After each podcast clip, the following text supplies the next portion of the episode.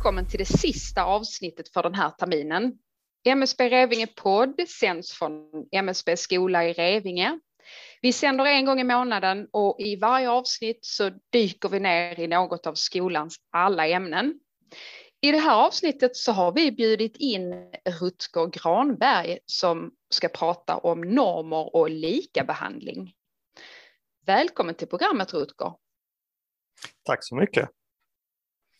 Ska vi göra så att du börjar med att eh, berätta lite om dig själv?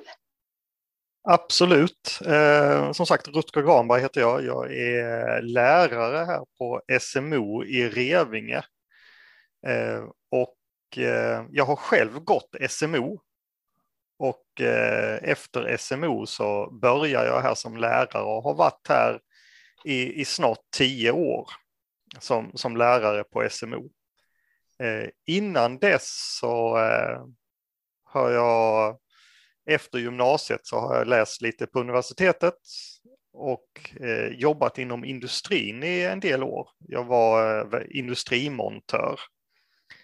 Sen har jag också jobbat eh, i lite drygt åtta år inom kriminalvården innan jag bestämde mig för ett miljöombyte och läste då SMO. Och eh, jag trivdes väldigt bra med det. Jag har alltid gillat att eh, jobba med människor. Eh, jag tycker att det ger en extra dimension till yrkeslivet när man har med andra personer att göra. Eh, och det, det hoppas jag kunna fortsätta med. Du Rutger, jag tänker du ska ju prata om normer och likabehandling. Ehm, om vi börjar med att bena ut det här begreppet normer. Vad, vad menas när man, när man säger normer? Vad menas med det? Eh, normer är ju ett, det är ett ganska brett begrepp egentligen. Eh, men för att beskriva det enkelt så skulle jag säga normer, om vi säger eh, lite som förutfattade meningar. Lite det här ser vi som vanligt och normalt. Eh, det vi är vana vid. Man kan säga att en norm är det vi förväntar oss. Eh, och en norm grundas oftast på, på tidigare erfarenheter. Eh, som exempel kan man säga om, om man säger eh, en, en sjuksköterska, ja men vad är det då vi ser för bild framför oss? hur är en person som är en sjuksköterska? Ja, då, då baseras det på våra tidigare erfarenheter och upplevelser av det. Och det, det är en del i normer. Men normer kan också vara kopplade till beteende. Att hur man förväntas bete sig i vissa situationer. När det gäller beteenden så är det ju saker som vi har ganska starkt inpräntat hos oss att det här är normalt. Som att, att köa till exempel. Vi, vi är duktiga på att köa i, i Sverige. Att vi, vi står i kö, det, det, är en tydlig norm. När man går på bussen så sätter man sig på ett ledigt säte. Man sätter sig inte jämte någon annan, utan först när alla dubbelsäten är upptagna så då kanske man får ursäkta sig lite och sätta jämte. Så dels det här förutfattade tidigare erfarenheter, men också ett förväntat beteende kopplat till yrken, situationer, platser. Det, det är det som vi samlar in under normer. Rutger, jag tänkte på det här med normer. Varför är det så viktigt? Varför är det någonting som man ska uppmärksamma? Normer är ju en sak som, som det underlättar ju väldigt för oss i vardagen. Eh, det gör det lättare att navigera vardagen och förutsäga vad kommer att hända i den här situationen. Eh, men det finns en inbyggd eh, risk med att, att använda för mycket normer, det vill säga att man kan, man kan cementera bilder, förutfattade meningar om hur en person eller en sak ska göras. Eller hur ett yrke ska utföras eller vem som kan utföra ett yrke utifrån att ja, men om det traditionellt sett har varit ett kvinnodominerat yrke eller ett mansdominerat, mansdominerat yrke, hög status eller låg status, så, så blir det cementerat i och med normer. Så genom att utmana normerna och synliggöra dem så får man en, ett mer inkluderande samhälle. Mm. Hur skapas normer? Lite som jag varit inne på tidigare, just det här mm. att, ja men, men hur har det sett ut historiskt? Vad är det för erfarenheter vi som individer har? Och normer är ju väldigt hjälpsamma för att ge oss möjlighet att förutse vad som ska hända. Ja, men det vi är bekanta med. Ehm, om vi i varje situation ska, ska skapa oss en helt ny bild så är det väldigt jobbigt. Så vi är byggda för att skapa eh, helheter och känna igen mönster. Eh, det är så vi skapar normer.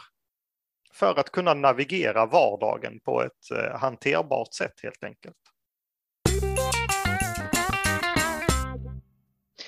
Du, ehm, I varje avsnitt så får föregående gäst ställa en fråga till nästkommande gäst. Ehm, och I förra avsnittet så gästade Anette Stålseger och eh, Håkan Warnemyr oss. Och de ställde varsin fråga till dig. Så jag tänker att vi börjar med att lyssna på Anettes fråga. Hur gör man brandmannayrket mer attraktivt för kvinnor och folk med annan etnisk bakgrund? Vad säger du, Rutger? Hur gör man brandmannayrket mer attraktivt för kvinnor och för personer med annan etnisk bakgrund? Jag tar mig friheten att tänka på frågan lite bredare och lite friare. För att tänka på att man ska göra ett arbete attraktivt för en viss grupp, eh, då tror jag att man eh, än en gång gör det, man gör det lite för snävt. Utan jag skulle vilja säga så, men hur gör vi räddningstjänsten attraktiv överlag? Alltså hur skapar vi en schysst arbetsmiljö? Hur gör vi yrket och arbetsuppgifterna attraktiva för alla personer som är inom räddningstjänsten? För variationen i grupper, då om vi säger för kvinnor eller personer med annan etnisk bakgrund, det är, det är så brett det finns så många olika intressen så säga någonting som är typiskt kvinnligt eller typiskt för personer med annan etnisk bakgrund, det håller inte riktigt. Så istället då att utmana normerna och istället fundera kring, ja men hur gör vi det här yrket inkluderande för alla? Mm. Och om vi då ska titta lite mer på huret, hur gör man då? Hur skapar man en inkluderande miljö för alla? ja, grunden egentligen för, för att skapa en, en, en bra och inkluderande miljö, det är ju att eh, grund och botten så, man behöver bli sedd som, som individ för, för att kunna trivas på sin, sin arbetsplats, vad det än är för arbetsplats. Så att bli sedd, att kunna få bidra utifrån den kompetensen och den förmågan jag har, att jag kan använda mina erfarenheter i yrket och att man helt enkelt blir tagen på allvar och sedd för den individen man är. Mm. Och utifrån det då se att jag som individ här, jag är uppskattad för min kunskap, min kompetens, min förmåga och det är det jag får bidra med. Eh, jag blir inte dömd utifrån från utseende eller andra yttre attribut, utan helt enkelt man får vara en del i verksamheten. Mm. Hur gör vi på MSBs skolor just för att skapa en inkluderande miljö för de studerande? Eh, vi har ju lektioner eh, där vi eh, hjälper studenterna med, med verktyg för att se normer. Att reflektera över normer och beteenden. Vi lägger ingen värdering eller i, i liksom så, vad som är bra och vad som är dåligt, utan vi ger studenterna verktyg att identifiera normer och eh, vi låter dem reflektera kring vad det kan betyda. Är detta någonting som man får på alla utbildningar och kurser som MSB har? Det är ju någonting som ska genomsyra vår verksamhet eh, inom MSB. Vi har ju ett, ett eh, jämställdhetsintegreringsuppdrag som ligger på myndigheterna, eh, att det här är någonting som, som är viktigt. Eh, på de kortare utbildningarna så blir det, det, där har vi inte tid och möjlighet att gå lika djupt, men på SMO till exempel så, ger, så har studenterna uppgifter både på sin korta lia som ligger i början av utbildningen och den långa lian där de tittar och reflekterar kring normer, beteende och den liaplatsen de är på. Mm. Men hur skulle en sån uppgift kunna se ut? Alltså vad är det de ska titta på då? Ja, som uppgift så kan, kan vi ge dem att de ska helt enkelt ute på sin liaplats identifiera men, men vilka normer råder här? Vilket hur förväntas man bete sig när man kommer till sin LIA-plats? Eh, mm. Och sen brukar vi ge dem en, en reflektionsuppgift, då, för det är mer en observationsuppgift. Vi brukar be dem reflektera kring men hur kan någon som inte tillhör den normen som gäller faktiskt bidra till att utveckla verksamheten? Vad finns det för positivt med att inte riktigt passa in i den rådande normen? Mm. Och det brukar vara en väldigt uppskattad uppgift. Alltså det här med vilka normer som man kan se eh, på, på räddningstjänsten. Är det något, eh, ja, för visst är det väl så eh, Rutger, du har väl jobbat ganska många år med det här va? Ja, det här är ett uppdrag jag har haft under många år. Ja. Precis, är det något återkommande tema som du ser, alltså i det som de studerande svarar? Vad är det liksom för normer där, där, där du känner att oh ja, men det där har jag ju ja, läst och det, förut. Det är kanske Eller inte kan riktigt man det man? Ja, absolut. Eh, och det är kanske inte riktigt det man väntar sig, men, men det är en väldigt stark norm och någonting som är väldigt återkommande. Eh, det är innebandy. Mhm. Eh, man Det ska får du nog utveckla. Ja, eh, det är en... På väldigt många räddningstjänster är det en väldigt stark norm att man ska spela innebandy. Man förväntas delta eh, när man spelar innebandy med laget. Eh, om man inte gör det så då ses man lite som lite konstig kanske, lite undvikande för att eh, det är klart vi ska spela innebandy. Så det, den är en väldigt tydlig. Sen, sen är det jättestor spridning. Men det är ska säga, den som har hållit i sig längst och som är starkast så är det innebandynormen på, Mm. på räddningstjänsten faktiskt. Mm. Det var ju intressant. Varför just, varför just innebandy tro? Ja, det, många studenter lyfter eh, gemenskapen, eh, man eh, hittar gruppdynamiken, man, man jobbar tillsammans, man utmanar varandra i grupper, man lär känna varandra.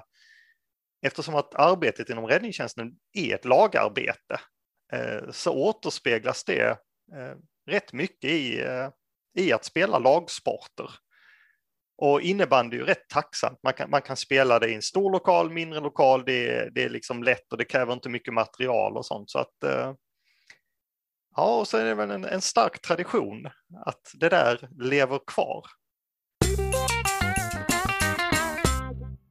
Du, Rutger, du har ju ett uppdrag här på MSB som jämställdhetssamordnare. Vad, vad ryms inom det uppdraget?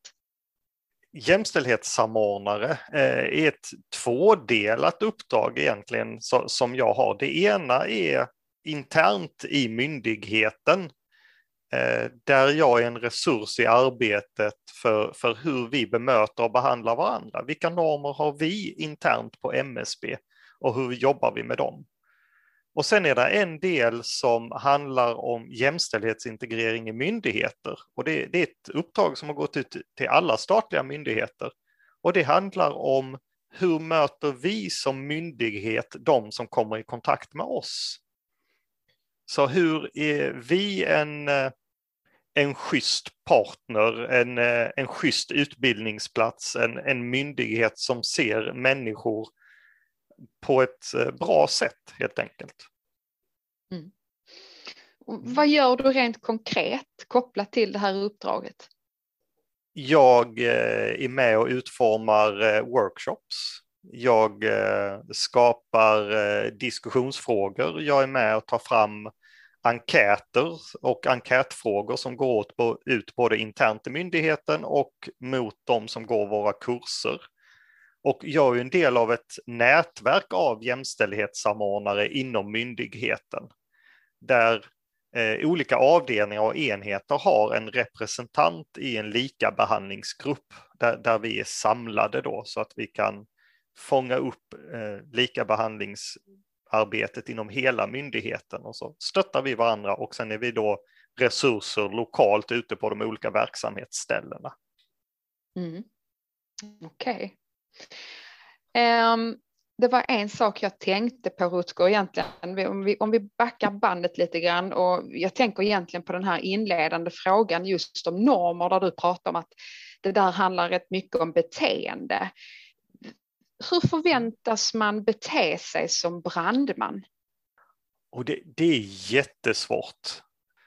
Det finns en bild som ofta strömmas ut via tv-kanaler och sådana saker att ja, men det här är en brandman traditionellt sett så har den bilden varit en, eh, en stark vältränad man, helt enkelt. Räddningstjänstens uppdrag har förändrats. Det förändras fortfarande. Vi har ju eh, MSBs motto, ett, ett säkrare samhälle i en föränderlig värld. Och samhället utvecklas ju hela tiden så att även räddningstjänstens uppgifter men också personalen på räddningstjänsten har förändrats över tid. Men det går inte att komma ifrån att när saker eh, går fel, om man hamnar i en olycka eller en situation man inte kan reda ut, då larmar man och kallar på räddningstjänsten, för då ska de komma och hjälpa. Så att eh, den här bilden av en hjälpare, någon som räddar, den finns fortfarande kvar och den är stark. Och det är väl den, ska jag säga, den gemensamma förväntan som finns på, på räddningstjänstpersonal är att det är en person som kommer och och hjälper någon som är i nöd. Och det skulle jag säga, det är det jag vill lyfta fram. Rutger, snart mm. är programmet slut. Eh, men eh, innan vi avslutar så tänker jag att du ska såklart få svara på den fråga som Håkan Warnemyr skickade vidare till dig. Mm. Så vi, vi lyssnar på den. Eh, både min och Anettes bakgrund är från den praktiska sidan som lärare. Och nu sitter vi på den lite mer teoretiska, men det sker inte samtidigt. Rutger är ju lärare både på praktiska sidan och mer teoretiska sidan. Och nu kopplat med tillsyn som har kommit in. Hur ser Rutger, hur ser du på den kombinationen att vara både och? Vad säger du Rutger? Ja, det, det är en intressant fråga. Jag, jag, jag, tycker att jag får det bästa av båda världar är att både få ha teori och praktik. Båda är väldigt viktiga. Jag tycker inte man bara kan ha teori och jag tycker inte heller man riktigt kan bara ha praktik, utan det där är alltid uppblandat.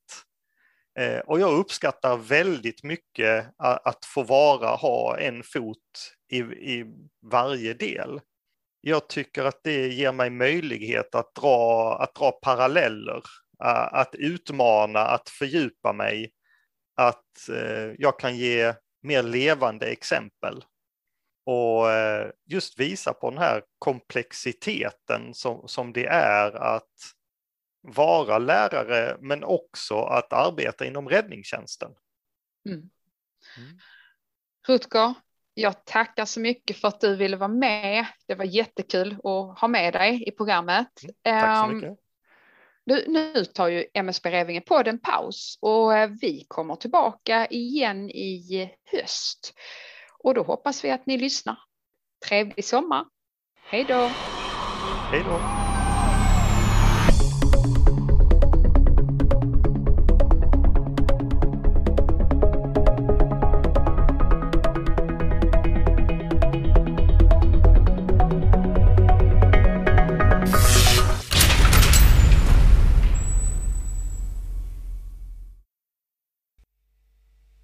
Du har hört Rutger Granberg, lärare på MSB Revinge.